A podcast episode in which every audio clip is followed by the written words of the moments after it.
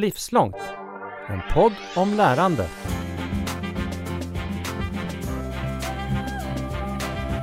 Vi kommer ju om och om igen i den här podden tillbaka till hur systemen är riggade för lärande och utbildning, Karl. Det känns som att det börjar bli tydligt för väldigt många att den här fasta tuvan, och hur fast den har varit kring lärande och utbildning. Du lär dig först och sen lever du resten av livet. Ser du också att fler och fler börjar förstå, eller det går upp för dem, hur, hur fast det här är sen tidigare? Ja, det tror jag att jag kan relatera till. Också den här, både för, som individ, när jag inser att jag behöver ha en ny kunskap i livet senare. Och att jag försöker att liksom dra mig till minnes, liksom, men hur ska jag göra för att hitta en plats att lära mig på när jag har jobbat några år. Eh, det behöver inte vara helt enkelt och självklart. Eh, men också, tror jag, många företag som hamnar i en situation och organisationer där man inser att världen springer fort omkring en och där man behöver ny kunskap i sin organisation. Och där det inte är helt enkelt att veta hur man ska göra eh, för att det företag man jobbar i ska ha rätt kunskap vid rätt tillfälle för att liksom, möta den efterfrågan som finns. Mm. Jag var inne på det i något tidigare avsnitt med vår kollega Lars, tror jag, alltså att den här frågan, vad ska du bli när du blir stor, inte är riktigt relevant längre. Jag tänker att man pratar med sina barn om andra sätt, och även organisationer. Jag pratade med någon häromdagen, så här, vi behöver nu växa upp och i alla fall bli, om inte vuxna så tonåringar. Så det finns ja, nej, jag vet fortfarande inte vad jag ska bli när jag blir stor. Nej, nej, det är det vi brukar skoja om, så. men ändå så pågår det där på något vis. Ja. Du heter Carl Heath, jag heter Katarina Pietschak och veckans gäst i podden Livslångt är du, Maria Rosendahl från Teknikföretagen. Varmt välkommen. Tack. Eh, det här är förstås vad vi ska prata om, hur det här ser ut längs livet. Eh, får jag bara börja med frågan, när du gick i skolan och utbildade dig, hur tänkte du då att resten av ditt lärandeliv skulle se ut? Alltså den tanken existerade inte ens i min tankevärld just då. Alltså, då var det ju en jättestor utmaning att bara försöka förstå vad ska jag bli när jag blir stor, som ni nämnde precis. Och det, det är väl också något som jag fortfarande funderar på eh, ständigt. Eh, och, och, då var ju, kändes ju det utbildningsval som jag gjorde som en otroligt stor sak som skulle vara helt livsavgörande för resten av mitt liv. Eh, och på ett sätt kanske det har blivit det också eh, utifrån den inriktning som liksom livet, livet följer ju liksom olika inriktningar.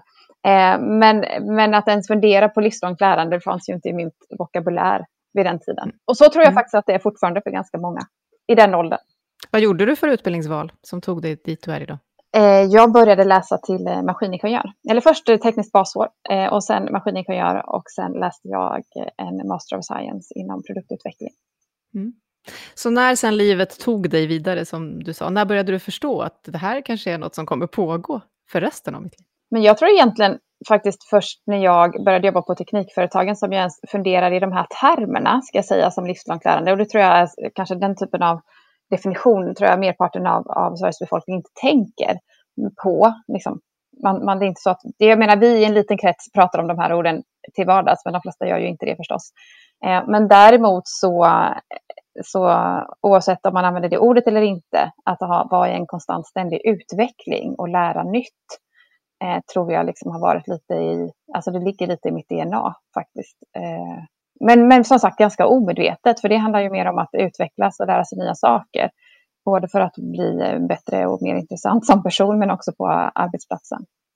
Jag känner väldigt väl igen mig med det där med DNA och att inte förstå det förrän i efterhand, i retrospektiv. Mm. Mm. Men ur ett mer samhälleligt perspektiv då, vad skulle, och vi i den här lilla kretsen som då använder det här ordet många gånger om dagen, vad, vad skulle du säga att det består av, det här livslånga lärandet? Vad är det vi pratar om? Ja, men precis. Eh, det är väl egentligen just det här att, att vara i konstant utveckling, att lära nytt hela tiden, att inte stanna upp. Att, eh, ja men så här klassiskt, från vaggan till graven. Eh, lära att det inte bara är i ungdomsåren som vi eh, sitter i skolbänken. Men också att det inte handlar bara om att sitta just i skolbänken, utan att det handlar väldigt mycket om ett lärande på arbetsplatserna, som är det här informella lärandet och även i vardagen. Ehm, men det är ju ett begrepp som, som är ganska, på ett sätt säger det ju mycket, själva orden vid livslångt lärande säger mycket i sig. Men ändå så är det nog många människor som menar olika saker med det. Mm. Men att jag tycker ändå det här, vad är konstant utveckling? Vi har ju pratat om det här många gånger, Karl, ehm, där det gäller vad är det för lärande vi pratar om? Skolan igen, formellt lärande, informellt, icke-formellt. Går det i det verkliga livet att dela upp det i de här kategorierna har jag funderat på. Vad säger du? Alltså för mig själv i min egen vardag så spelar det ju, i, liksom i, när jag använder kunskapen så spelar det ju inte särskilt stor roll. eh, på vilket sätt jag har tillskansat mig eh, kunskapen. Alltså om jag, eh, om, jag, om jag kan svetsa och är bra på att svetsa så spelar det liksom inte någon större roll om jag har lärt mig svetsa på det ena eller andra sättet så länge jag är bra på det och det funkar och att andra kan se att jag gör det på rätt sätt och, och så vidare. Men däremot i skedet där jag inte kan svetsa och jag behöver kunna svetsa, eh, då blir det ju viktigt eh, någonstans. Och det kan också vara viktigt om jag behöver kunna förklara för någon annan att jag kan svetsa. Alltså om jag inte har ett behov av att förklara för någon att jag har den här kunskapen överhuvudtaget, då kan jag ju lära mig den här högst informellt och kolla på YouTube-videos och mecka i garaget. Men om jag skulle ha, liksom, behöva använda den här kunskapen med det system vi har idag, då räcker inte det, utan då måste jag göra det på ett sätt som gör att jag också kan visa upp att jag har den förmågan. Eh, så, så det beror lite grann på i vilka skede vi pratar om. Eh, liksom, så, så, för mig själv och i min egen kunskapsresa på något sätt så, så nej, då kan jag inte dela upp det och det spelar inte heller någon större roll. Men när jag ska verka eller finnas i arbetslivet, ja, då kan det ju spela en väldigt stor roll på vilket sätt jag har tillskanskat mig kunskapen och, och, mm. och eh, för att kvalitetssäkra den och sådär.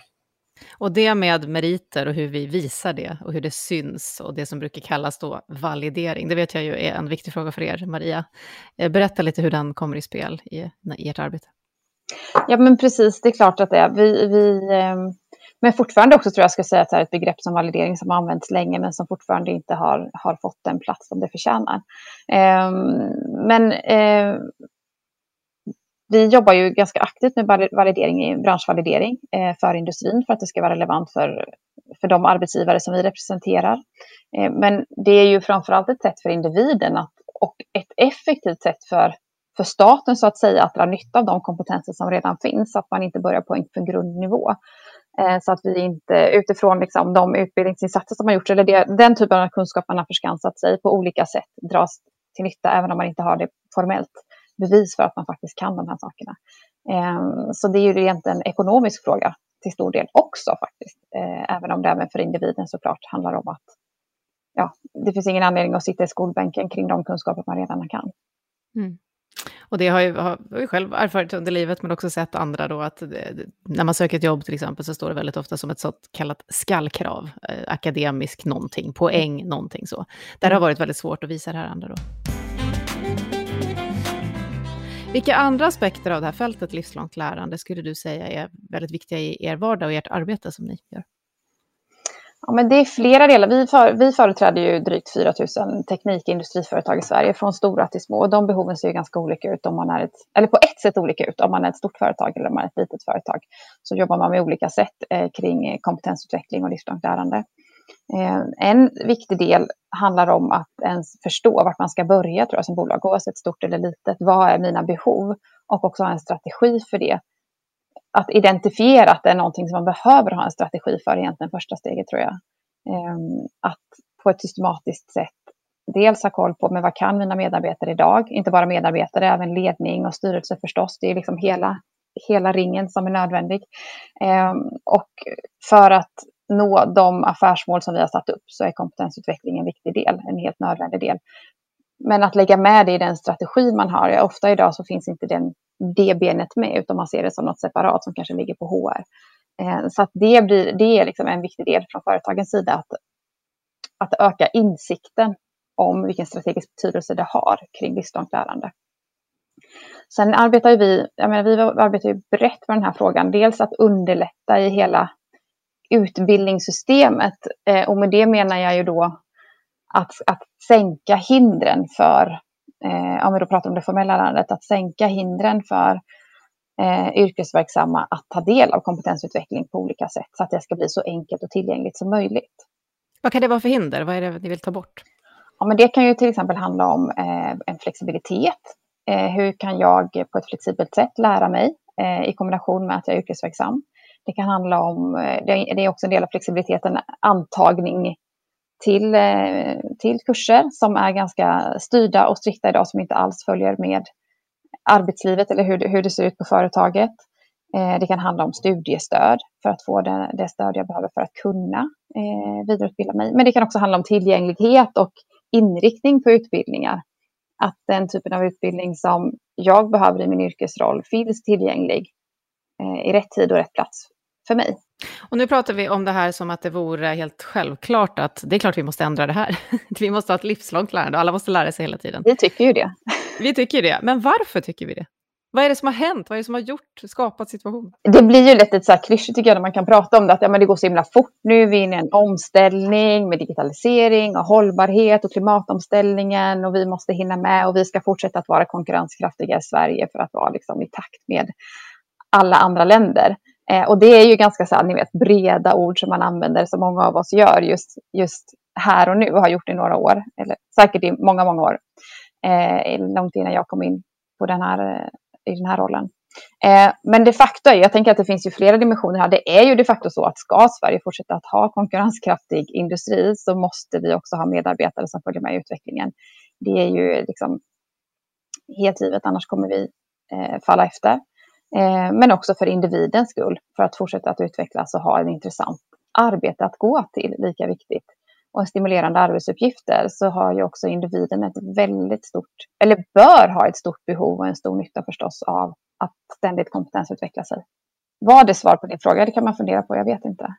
Jag tycker att, jag eh, brukar säga det till folk som undrar det, att samtalet är viktigare än frågan. Ja. Så att ja, det, svaret är att det var ett bra svar. Eh, om man då tittar på, du pratar om företagen och industrins plats i det här. Hur kan man tänka sig, vi är ju ganska mycket inne från oss eh, också, eftersom vi har fått det uppdraget i den nya forskningspropositionen, i det offentliga. Mm. Vad är det från den offentliga sektorn som du ser skulle behöva hända för att det här i samverkan då med företag och liksom i en helhet ska kunna bli bra? Ja, men det är en bra fråga för att det är klart att, att det finns ju ett väldigt tydligt beroende åt båda håll.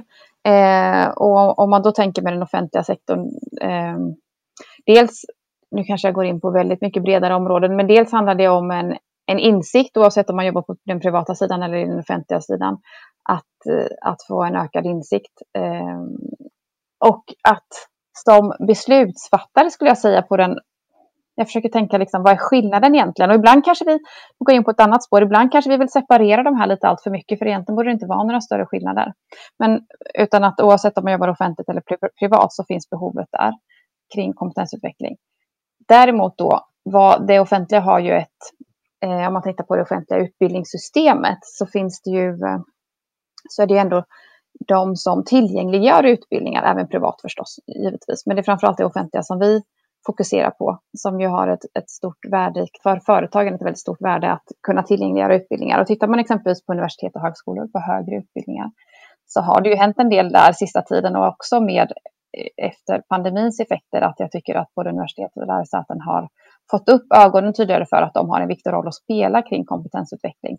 Men det finns ganska mycket kvar att göra där och då handlar det Delvis om att skapa rätt förutsättningar för dem, absolut, så att det är en del av deras uppdrag att också kompetensutveckla individer.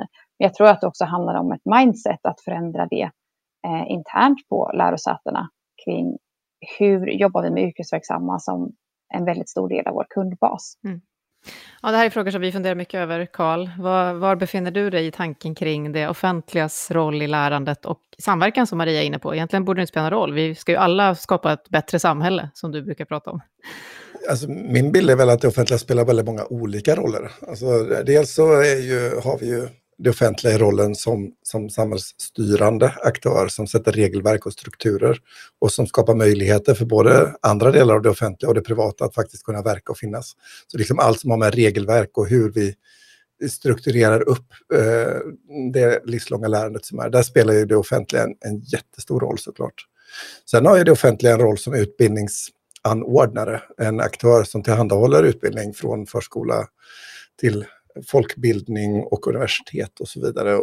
Och där är ju, finns det ju ett stort ansvar i det offentliga att liksom strukturera och skapa förutsättningar, för, både för liksom individen och för uh, arbetsmarknaden. Men sen tycker jag det som du också var inne på lite grann Maria och som är viktigt, det är ju det här med att kunna gå i takt och att kunna se behov och att kunna arbeta tillsammans. Det innebär ju också att det offentliga har ett eget, eh, alltså väldigt många offentliga verksamheter har en väldigt stor egen resa att göra i en slags egen omställning av hur man arbetar. I alla lägen vad det är för uppgift en myndighet eller organisation eller kommun eller så har, men hur man organiserar den verksamheten på ett sätt som gör att, att den också befinner sig i ett livslångt lärande. Eh, så jag ser ju många, många perspektiv i det, men, men just relationen till, till näringslivet, den är ju viktig och förutsätter att man liksom har ytor att samverka på ur alla de här dimensionerna, vad det handlar, vare sig det handlar om lagstiftning eller om att producera utbildning eller om att liksom jobba tillsammans i kulturer som förstår varandra. Mm. Mm. Och hur viktiga skulle du säga att ni är, Maria? Kanske en konstig fråga. Det är klart ni är jätteviktiga, men en branschorganisation på det sättet. Så viktiga. så viktiga. På vilket sätt kan ni liksom fylla en plats här att, att driva på den här takten så att vi går tillsammans, tänker du? Ja, men dels tror jag att det handlar om att vi kan ju kanalisera det behovet som finns. Istället för att våra 4 000 medlemmar själva var och en ska identifiera det här så kan vi vara en, en gemensam röst för, eh, för teknikindustrin eh, som jag tror är värdefull. Och i olika, på olika sätt också föra fram behovet. För det behöver ju vara, jag var inne på det Karl, det behöver ju vara behovsdrivet. Eh, en sak är ju att sätta upp en massa olika typer av utbildningsinsatser. Det kan man ju göra för att det är liksom trevligt och intressant för individen att lära nytt och det behövs också.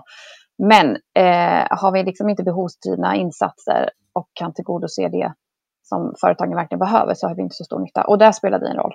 Och sen skulle jag säga att vi också spelar en roll. Vårt arbete handlar ju framförallt om att påverka våra politiker och myndigheter i den riktning vi tycker är rätt. Tittar man i, idag på våra politiska partier så är ju utbildningsfrågorna, skulle jag säga, inte så högt på agendan.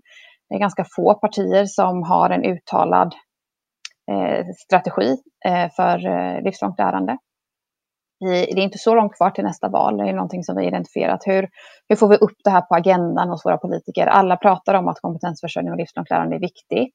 Det tror jag är en del av problematiken eller utmaningen för att det gör att ja, men det är klart att det är viktigt. Alla förstår att det är viktigt, men vad behöver vi de facto göra? Eh, och där ser vi, tycker jag, att vi behöver eh, få inte bara eh, de som är i, i regering just nu, utan fler partier att lyfta upp det här på agendan för att det är också ett allmänintresse. intresse det är absolut inte ett särintresse som vi som branschorganisation driver, utan det är ett allmänintresse att vi ska ha medarbetare och företag som är konkurrenskraftiga. Mm. Så alla pratar om det utom kanske då konkret partiprogrammen, om man säger så. Och det kan behövas mer där i alla fall. Mm. Ja, mer konkreta mm. insatser. Det är lite för... Eh, och man pratar inte om det utifrån ett allmänintresse, eh, utan man pratar om det liksom ganska, i ganska smala ordalag, skulle jag säga. Mm.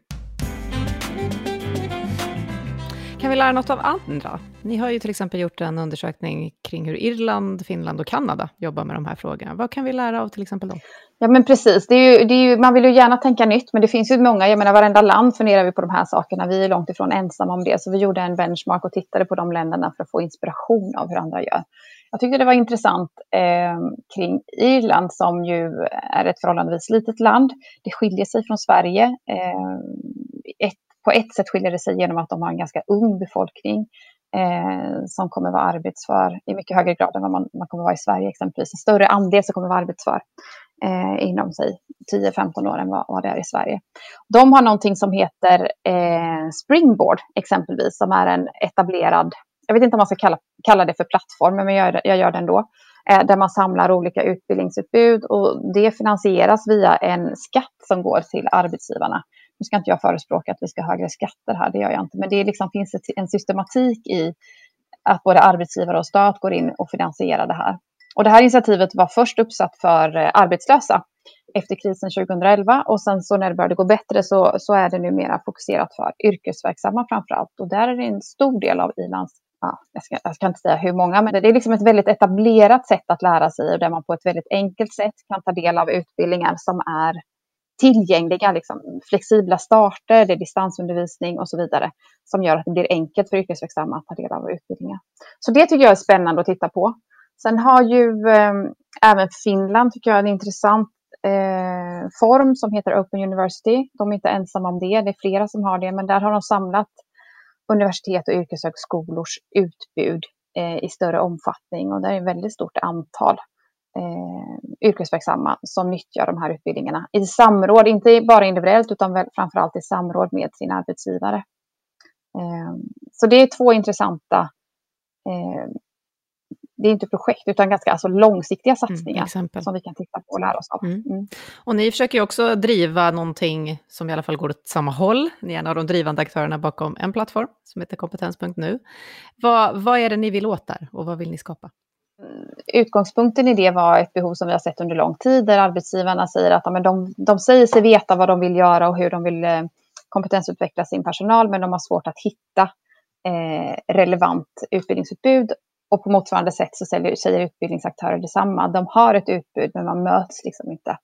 Eh, och det här blev väldigt aktuellt förra våren under pandemin när väldigt många var permitterade och hade också tid för att ta del av utbildningsinsatser och då fanns det inte ett tillgängligt system.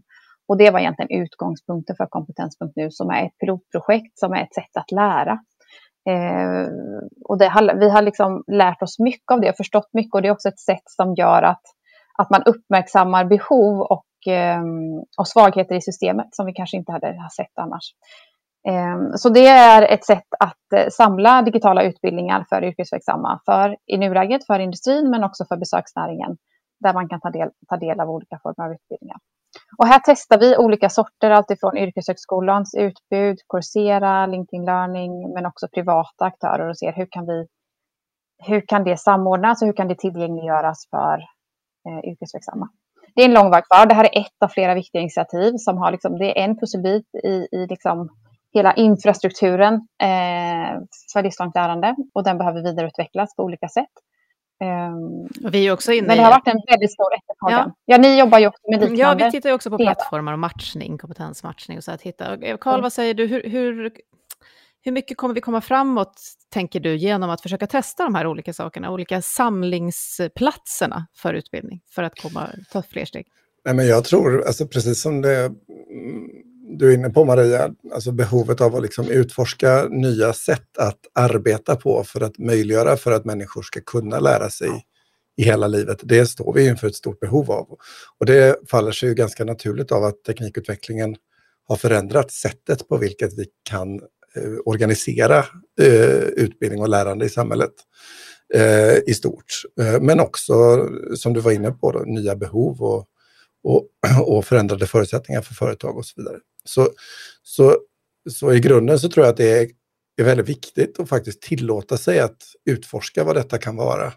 Eh, det är väldigt lätt ifrån en position där vi befinner oss, att vi vet vad grundskola och gymnasie och folkskola och universitet, vi vet vad de organisatoriska strukturerna är. Men det är inte självklart att vi vet exakt vad som är det bästa sättet att organisera människors kunskap i, i arbetslivet på idag. Så det ni har gjort när ni har tittat på andra länder och, och hur ni eh, jobbar experimentellt och i samverkan med andra, det tror, jag, det tror jag många behöver göra, precis som ni gör, för att lära sig och förstå. Eh, för det finns liksom inte ett facit, tror jag, på hur det här ska gå till, liksom, utan vi måste tillåta oss eh, att både utmana de strukturer som finns eh, och, och, och liksom provtänka Eh, och provgöra eh, i det här sammanhanget. Mm. Mm. Jag tänker också på att vi har ju riggat eh, andra delar av oss och samhället utifrån, kanske inte silos, även om vi pratar så idag, men olika strukturer. Och ofta så skjuts också ansvarsfrågan runt mellan de här. Det kan vara, vi har varit inne på det många gånger, just när det gäller vuxnas lärande så är det väldigt många departement som är inblandade till exempel, medan för skolan så är det ett, oftast, skoldepartementet, mm. utbildningsdepartementet. Men, eh, och sen är det också, om man pratar med ett fackförbund så är det arbetsgivarens ansvar. Och pratar man med en arbetsgivare så kanske det är det offentligas ansvar. Och så håller vi på lite sådär. vad, vad tänk, vårt eget ansvar, var, var hamnar det och så? Vad tänker du om det här, Maria? Ja, men det är jätte, du, du, precis det du beskriver så är det ju verkligen. Och det är så lätt att skylla på något vis på att ja, men det är så många olika departement. Så många är det ju egentligen inte. Jag säger ju själv att det är många olika. Men det är ju utbildning och näring och arbetsmarknad i synnerhet. Det är ju tre stycken. Det borde man väl kunna hitta en ganska bra koordinerande sätt att arbeta tillsammans kan man ju tycka. Eh, och sen så finns det ju ett antal myndigheter som är involverade och som ska vara involverade. Men det är ju inte heller orimligt många eh, egentligen. Så att jag tycker att vi, här borde vi kunna komma längre kring den eh, samordning som behöver ske. Eh, men också i koppling till det sätta upp en tydligare liksom, riktning, strategi. Vad vill vi de facto? Eh, men när det gäller just eh, det individuella ansvaret Eh, så är ju det ofrånkomligt att det finns där. Det är klart att det är arbetsgivarens ansvar om det är så att man kräver eh, en viss typ av eh, kompetens för att kunna utföra sitt arbete. Då måste det vara arbetsgivarens ansvar. Det, så ska det vara. Men det är klart att jag tycker att det är individens ansvar att se till att ständigt vara aktuell och vara aktuell för arbetsgivare. Inte en specifik arbetsgivare utan flera. det har jag svårt att se att det kan vara någon annans ansvar. Men därmed sagt inte att det är lätt för varje individ att göra det, utan då måste det finnas ett system som gör att det blir enkelt. Mm. Någonstans någon gång har jag hört att mandat får man och ansvar tar man. Och det är väldigt svårt att ta det åt någon annan. Och till syvende och sist så landar det då, som du säger, i, i en själv, om du ska lära dig någonting. Karl, vad tänker du om den här mm. ansvarsfrågan? Jag tycker att den... Eh, att vi pratar om eh, ansvarsfrågan, det handlar ju väldigt mycket om resurser och mandat. Det är det som väldigt mycket liksom kokar ner till. Så här, vem ska stå för vilken typ av utbildning och sådär. Och då är det ju värt också att tänka på att en ganska, liksom, den här delen av det vi pratar om som ett livslångt lärande, som är det som finansieras av en arbetsgivare eller eh, liksom i direkt termer av utbildning eller det som staten tillhandahåller. Det är ju en förhållandevis liten del av eh, allt det lärande som sker i en arbets, på en arbetsplats. Eh, och jag kan ibland känna att hela diskussionen om liksom var ansvaret ligger och inte eh, hamnar i skymundan för den större diskussionen om hur, ta, hur, vi tar tillvara på allt det där andra lärandet som sker alldeles oavsett hur vi väljer att organisera våra resurser. Eh, som är liksom en nödvändighet i varje verksamhet, eh, organisation, företag. Eh, och som kokar ner till det här med liksom, vad är en lärande organisation? Hur bygger man och organiserar man för, för kunskapsutveckling och så vidare? Så att de där vad det nu kan vara, 80 procenten kunskap som vi förmedlar informellt i, i, emellan varandra som kollegor och sånt faktiskt synliggörs och kommer till nytta på ett, på ett bra sätt. Så, så jag, är väl, ja, jag håller med om, om utmaningen, men jag tycker att det finns andra frågor parallellt med det som borde egentligen kanske ta lika mycket eller mer utrymme. Och, ja, det är ju som du säger, så, precis att det är en resursfråga som bottnar i att den här diskuteras hela tiden. Vem ska betala? Det är väl en liksom, klassiker. Eh, och precis, jag vill bara förstärka det, att just det här eh, informella lärandet som sker på arbetsplatsen är ju det är ju där det händer, det är ju det som är den viktiga delen eh, och avgörande delen. Och där tänker ju många av oss inte på att ja, men det är också livslångt lärande och kompetensutveckling. Och det kanske inte spelar någon roll att vi inte tänker på det eh, rent som individ. Ehm, men just kring eh, resursfördelningen så, så ligger ju ändå redan idag ett väldigt stort eh, ansvar på arbetsgivaren och ska göra det också. Eh, ja. mm. Det händer ju när vi frågar gäster i den här podden, vad var det senaste du lärde dig av? Att svaret är när jag bytte jobb. Det har lärt mig så mycket att mm. byta jobb. Bara det mm. faktumet att jag går in i en ny kontext med nya kollegor, med ny kunskap och så. Så det mm. ligger precis i det här som vi pratar om nu. Avslutningsvis då Maria, vad, vad, drömmer du om att vi är om ett tag? Det är så svårt att sätta några år på det eftersom det rör sig så fort som du själv sa i början.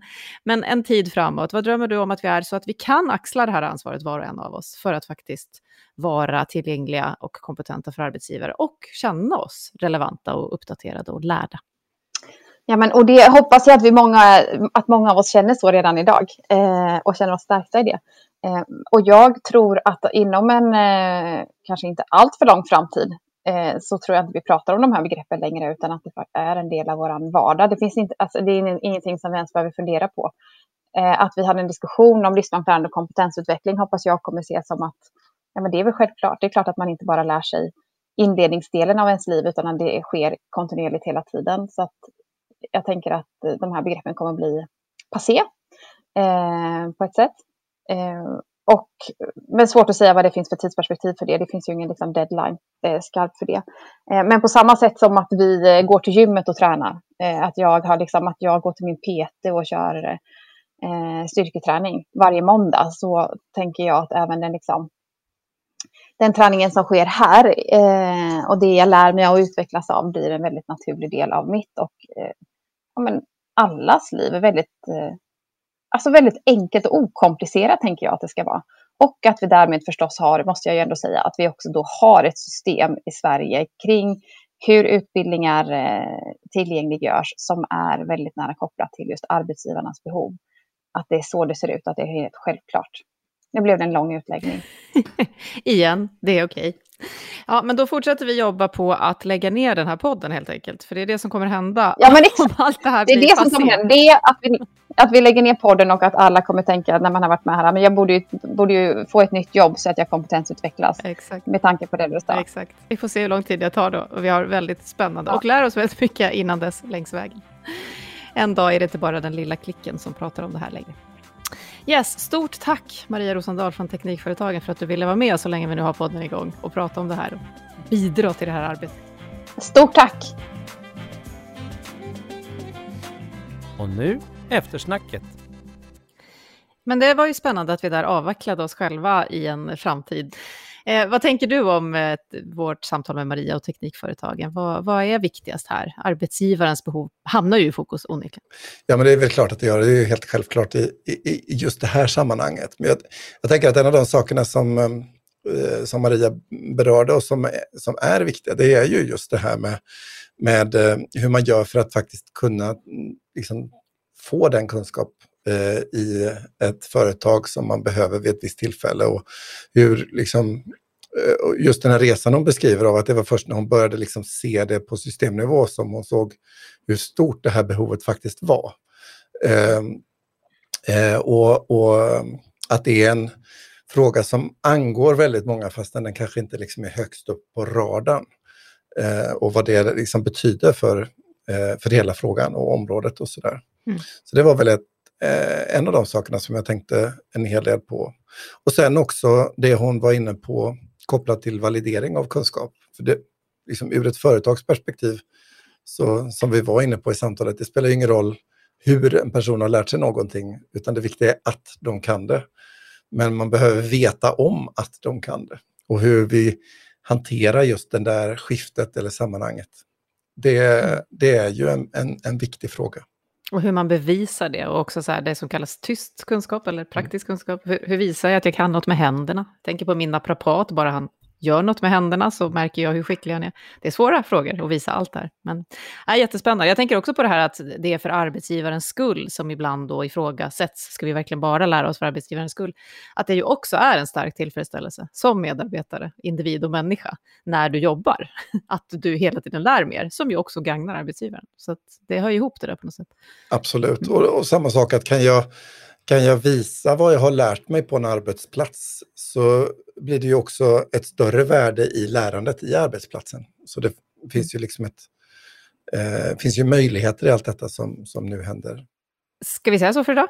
Jag tycker att vi säger så för idag. Vi säger så för idag. Ha det bra. Hej då Karl.